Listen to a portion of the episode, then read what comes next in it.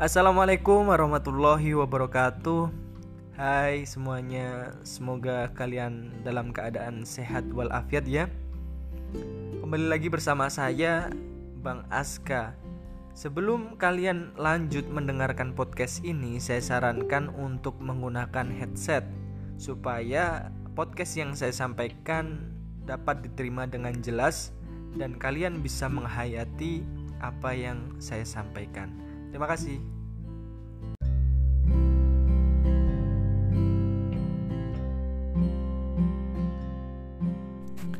Usia dan karakteristik peradaban dominan tampaknya memang sangat layak untuk diteliti. Melihat fakta bahwa pada awal milenium pertama, peradaban internasional didominasi aktivitas politik dan budaya dari Kekaisaran Romawi. Sementara awal milenium 2 didominasi standar aturan, aktivitas perdagangan dan aktivitas dakwah dari dunia Islam. Serta awal milenium 3 dunia didominasi peradaban barat. Tampaknya layak dikatakan bahwa peradaban dominan mempunyai usia. Sementara itu, analisis tentang peradaban barat apakah akan menjadi akhir sejarah atau akan digantikan oleh peradaban lain sampai saat ini masih menjadi diskursus yang sangat hangat. Francis Fukuyama dalam The End of History misalnya menyampaikan bahwa demokrasi liberal dengan ekonomi pasarnya akan menjadi akhir sejarah. Ini berarti sejak zaman Bill Clinton sampai hari kiamat kelak demokrasi liberal akan menjadi tren. Sejarah dunia akan berjalan datar dengan pola itu. Namun, banyak peneliti lain yang memandang dengan skeptis penegasan Fukuyama tadi. Emmanuel Todd mengatakan bahwa deskripsi Fukuyama tadi masih meragukan karena mengabaikan masalah pendidikan dan tingkat kesejahteraan warga negara.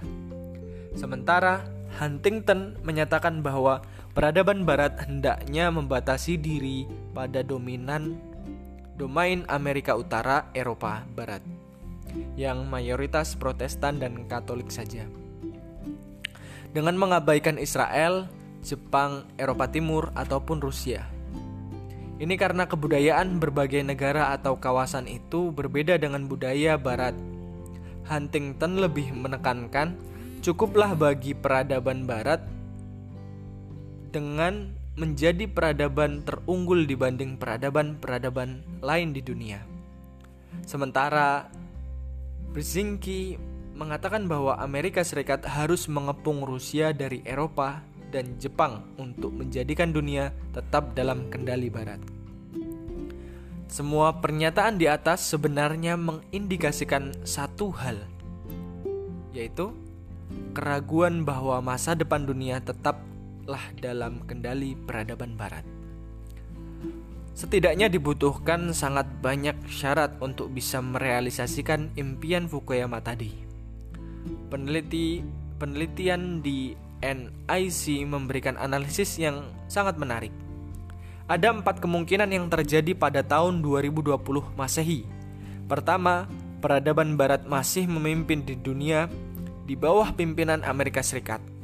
Kedua, peradaban barat akan mendapat tantangan dari Cina dan India. Ketiga, dunia dalam kondisi chaos. Tidak ada kekuatan dominan di dunia. Keempat, munculnya kekhalifahan Islam yang menjadi kompetitor baru dari peradaban barat. Sementara itu, pemikiran tentang end of history sebagaimana diungkapkan oleh Fukuyama tadi, juga diakui oleh banyak pihak, bukan suatu hal yang baru. Karl Marx dalam abad 19 Masehi juga mengungkapkan hal serupa. Dalam karyanya Dialektika Materialisme, ia mengatakan bahwa kehidupan manusia diawali oleh komunisme primitif dengan segala keindahannya. Kemudian dilanjutkan perbudakan, feodalisme, kapitalisme, sosialisme, dan akhirnya akan berakhir indah seperti sedia kala. tapi dalam wujud modern, yaitu komunisme modern. Bangsa-bangsa yang merasa dalam puncak kejayaannya juga merasa bahwa peradaban mereka adalah akhir sejarah.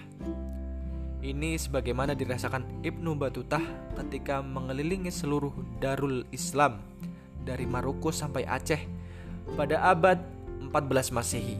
Begitu pula dirasakan penduduk Konstantinopel pada abad 6 Masehi saat Kekaisaran Romawi dipimpin oleh Kaisar Justinianus. Jadi, akhir sejarah masihkah dapat dipercaya? Atau peradaban barat pun mengalami akhir usia. Atau jangan-jangan peradaban barat sekarang justru sedang menghadapi penyakit. Lalu, bagaimana dengan kemungkinan bangkitnya peradaban lain? Mungkin cukup sekian, kita akan melanjutkan ke episode lain tentang beberapa fakta menarik.